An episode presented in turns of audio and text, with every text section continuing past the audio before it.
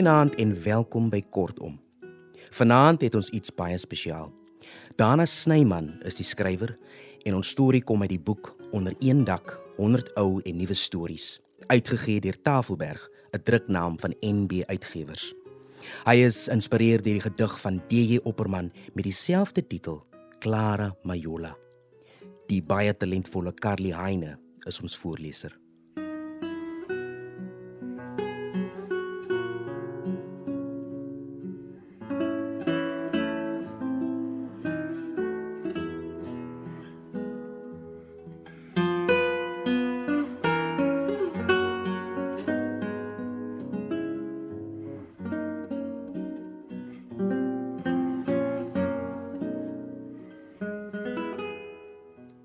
By die engine garage op Ceres skud Daantjie Fourie, 'n jong plaasjapie wat sy pa se Isuzu vol diesel kom tap het, net sy kop. Nee, hy weet nie van Clara Majola nie. Hier's nie juist baie klas as hier rond die oom, sê hy.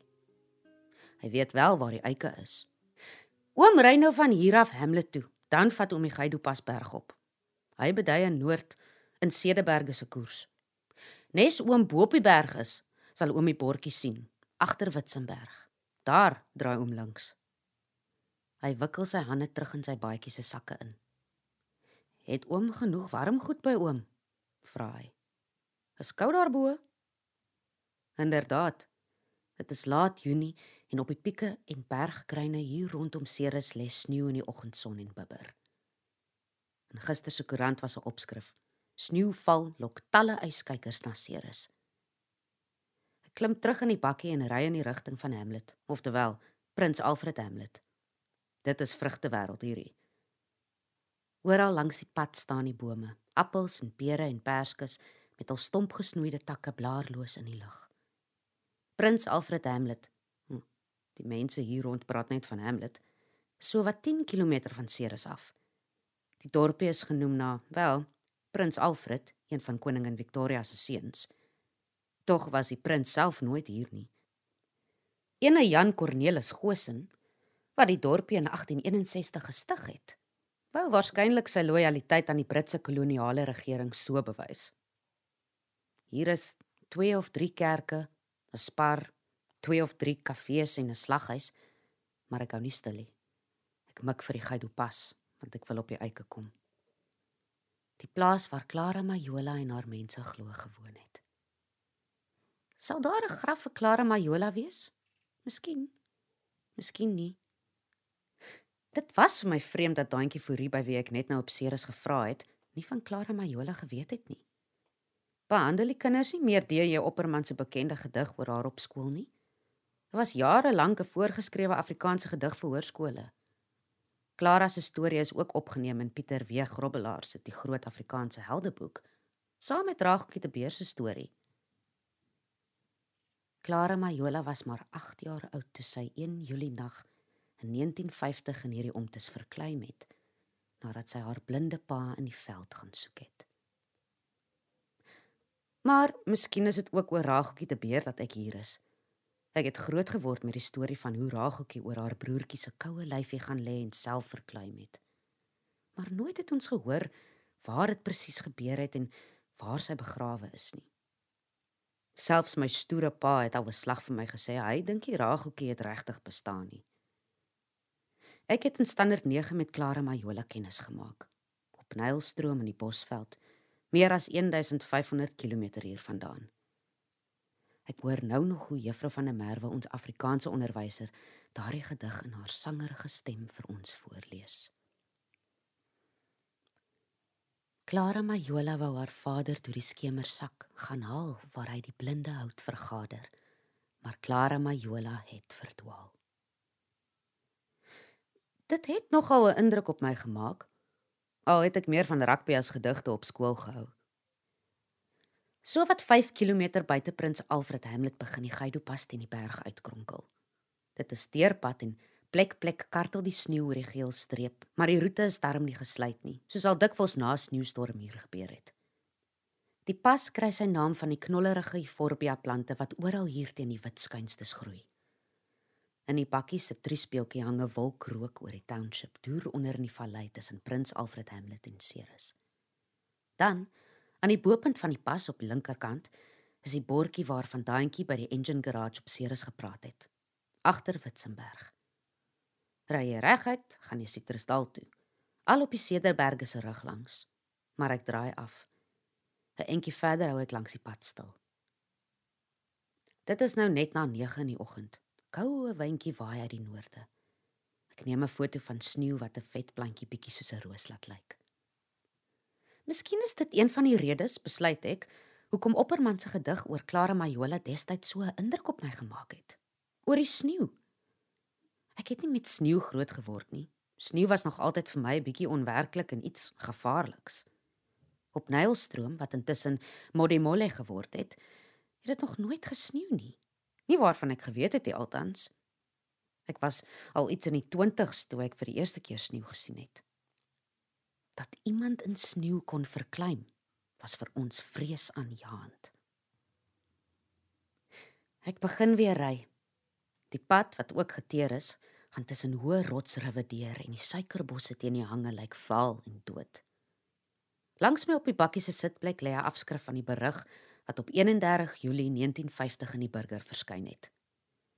Dit is Clara Majola se doodsberig wat Opperman geïnspireer het om die gedig te skryf. Die inligting daarin is makarig. 'n 8-jarige naturelle meitjie het een nag verlede week verklein toe sy haar blinde pa gaan soek en verdwaal het. Begin dit. Sy is Clara Majola en het op meneer Ernst van Dyk se plaas die eike gebly. Nie haar pa, ma, broers of susters se name word genoem nie. Niks word ook gesê van 'n begrafnis nie. Dit was in 1950. Hierdie was toe 'n ander land. So 15 km van die Gaidopas se bokant af sak die pad in 'n ander kleiner vallei af. Regs staan 'n ry werkershuisies wat eens op 'n tyd kalkwit moes gewees het. Ek hou weer stil. 'n Vrou loer oor 'n onderdeur terwyl 'n flou rookie net so 'n vuil kleurtjie bo kan die huisie se skoorsteen maak. Ek gaan praat met haar, maar haar Afrikaans en Engels is ewe lendelam. "Come to work the fruit," sê sy. 'n Jong man kom om die hoek. Jan Pieters. Nee, meneer, bedui hy. Die eike is nog verder aan. Hy praat oor die koue en die gesukkel om vuurmak hout te kry. Weet jy van Clara Majola? vra ek. Of course, meneer, antwoord hy. Regtig? Haar suster, Antinan, bly op die eike. Regtig? Ry net by die store verby en so om. Haar huisie is die eerste een wat jy kry. Hm. Dis hoekom ek seker maar altyd sal reis. Ek het gedink ek sal hoogstens 'n graf kry. Nou is ek op pad na Clara Majola se suster toe. Nou is ek in die middel van 'n storie. Tog is ek maar skepties. Dit voel nie asof Clara Majola se suster behoort te hê nie. Al wat van haar oor behoort te wees, so voel dit, is woorde. Die eike is 'n groot vrugteplaas. Ek ry stadig oor die werf maar by nie een van die twee opstalle, een is seker die plaasbestuurders in, is mense nie. Ek ry verby die twee of drie pakstore. Dan sien ek die werkershuise onder 'n laning eikebome teen die hoogtetjie. Ek gou by die eerste een stil. Daar is maar al die gewone goed wat jy by 'n werkershuisie aantref. Hoenders, valhond wat op 'n trappie lê en slaap, 'n trapfiets wat teen 'n muur leun, 'n oorpak wat oor 'n wasgoedlyn hang. 'n Ou vrou kom maak die eerste huisie se deur oop. Sy het pink pantoffels aan en agter haar in die skemerkombuis gloeie verwarmer. "Môre," groet sy. "Is u tannie Nan Majola?" vra ek. "Ek is Nan Jansen," sê sy. "Is tannie familie van Clara Majola?" "Sy was my suster." Ek verduidelik vir tant Nan ek soek na die spore van Clara Majola. Haar van was Jansen. Help sy my reg. Dis sommer 'n by van daai Majola. My oorle maale het haar ook nie Clara genoem nie. Sy was Violet. Violet Jansen. Tant Nan nooi my in. Die teels op die vloer is deurgeskif. Op die tafel met die melamienblad staan 'n bottel met geel en pink plastiekrose in. En teen die yskas is 'n plakker. Plant invaders, pull out. Sy wys ek moet sit. Ek het 'n boek hier, sê sy en stap by die vertrek langs aan in. Na 'n rukkie kom sy terug met Dr. D.J. Kotse se boek Dapper kinders van Suid-Afrika, waarin ook van Clara Majola melding gemaak word. Tant Nan gaan sit voor die verwarmertjie. Ons was ses susters en een broer. Clara was net jonger as ek. Sy buig en trek die verwarmer nader aan haar voete. My pa se naam was Lemmy. Die boere het hom sommer Majola genoem. My ma was Maria, maar vir almal was sy sommer Eggie. "Wat se taal het tannie hulle in die huis gepraat?" vra ek. "Afrikaans? Wat anders?" Lemmy en Eggie het by Ernst van Duyk hier op die eike gewerk, maar die van Duyks het intussen die plaas verkoop. Tant Nan se ouers is ook al dood. Net twee van haar susters leef nog. Sy kyk stip na my. Jy wil seker weet van Clara se geverkleim, sê sy. Ek sal julle opwys. Ons ry nou in my bakkie tussen die vrugteboorde deur na die ander kant van die plaas. Ek en Tant Nan. Die son blink op die nat gerypte gras tussen die boorde. Ek was so 10 toe Clara geverkleim het, sê tant Nan. Sy was 8. Ek onthou nie te baie van daai dag nie. Als is vaag in my kop, kan jy maar sê. Sy bly rukkie stil. Die vorige aand het ons koek geëet wat my ma gebak het. Dis duidelik waar die plaas sy naam kry. Oral staan akkerbome. Tant Nan laat my onder 'n ou groot stilhou. Die wyntjie jaag droë blare oor die grond. Hier het ons gebly toe Clara dood is, sê sy. Ons huisietjie het hier gestaan. Ons het gepraat van Akkerboomstraat as ons van hierdie plek praat. Dit is intussen afgebreek en die werkers het verskuif na die huisie waar tant Nan nou woon. My pa het blind geraak hier op die eike. Hy kon nie meer werk nie. Smiddag het hy in die veld gestap want hy het al hierdie plekke uit sy verstand uitgeken. Hy het houtjies opgetel. Ons sukkel altyd met die hout. Daai middag het hy lank weggebly, my pa. Toe gaan soek Clara na hom. Toe begin dit te reën en sneeu en is vriesig koud en toe loop hulle mekaar mis. Tant Nan beduie rondom ons. Hier was toe nog nie boorde nie. Hier was net veld. My pa het teruggekom huis toe en Clara as dooi kant toe. Sy was diep in die veld in. Sy was 'n baie stil persoon. Ons ry verder op 'n tweespoorpaadjie. So 1 km verder is 'n spruit en 'n bruggie. "Stop hier," sê tant Nan. Ons klim uit Sy stap met 'n voetpaadjie die veld in in die rigting van die spruit. Klein Clara Majola lê verkleim in die bokkeveld se broskapok. Haar arms en bene bruin en krom getrek soos vingerdstok. Naby die spruit gaan staan tant Nan en wys na die grond. Hier het hulle haar die volgende môre gekry, sê sy. Sy het op haar maag gelê. Sy was dood. Hulle het haar opgetel en op 'n wit bakkie gelaai. Is dit al wat tannie onthou? vra ek. Ons het die vorige middag koek geëet wat my ma gebak het, sê sy weer. Tant Nan wil nog nie terug gaan huis toe nie.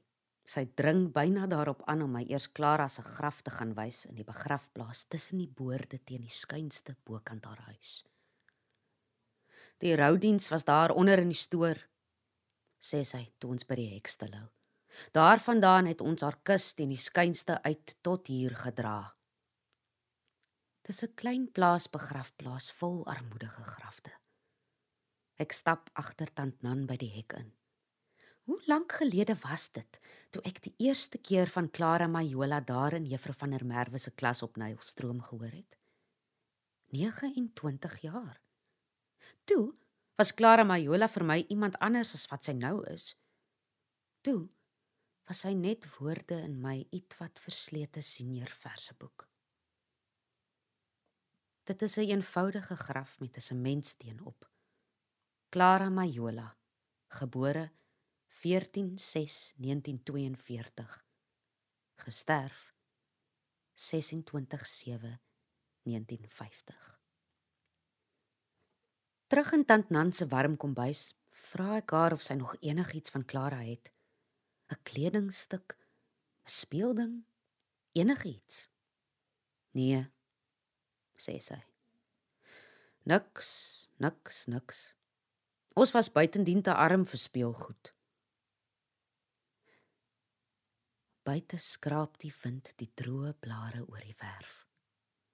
Die son skyn nou moedig, maar die koue gaan nie sommer vandag skiet gee nie. Weet tannie van die gedig wat oor Klara geskryf is? vra ek. Nee, gits, antwoord tant Nan. Wat se gedig? Clara Majola. Die koue geweld sif stadiger oor my uit die ruim. Maar nooit sal ek in die bokkeveld so warm, Clara Majola, soos jy verklei. Clara Majola, die koue geweld sif stadiger oor my uit die ruim. Maar nooit zal ik in die bokkenveld zo warm. Zoals jij verklaart. En het is nou 60 jaar geleden en jij is lang al niet meer hier. En toch is jij nog bij ons Want ik zie jouw ziel Vastgevangen in het beeld in 'n beeld. Dit was Clara Majola van Dana Snyman. Volgende week is ek weer aan die woord. My kollega Johnny Klein sal dan die week daarna ons verras met ietsie spesiaals. Dankie Carlieine en dankie aan julle, ons luisteraars vir die wonderlike terugvoer. Van my, Dien Bali, laat dit juig en veilig bly. Klein Clara Majola verkluim in die bokkeveld. Se bros kapot. Haar arms en benen bruin en krom getrekt, zoals een wingerd stok. En die wereld het veranderd, maar die hemel waarop ons wacht. Is lang nog niet hier, en daar is altijd nog kinders wat verdwaal in die lang, lang Majola. Clara Majola.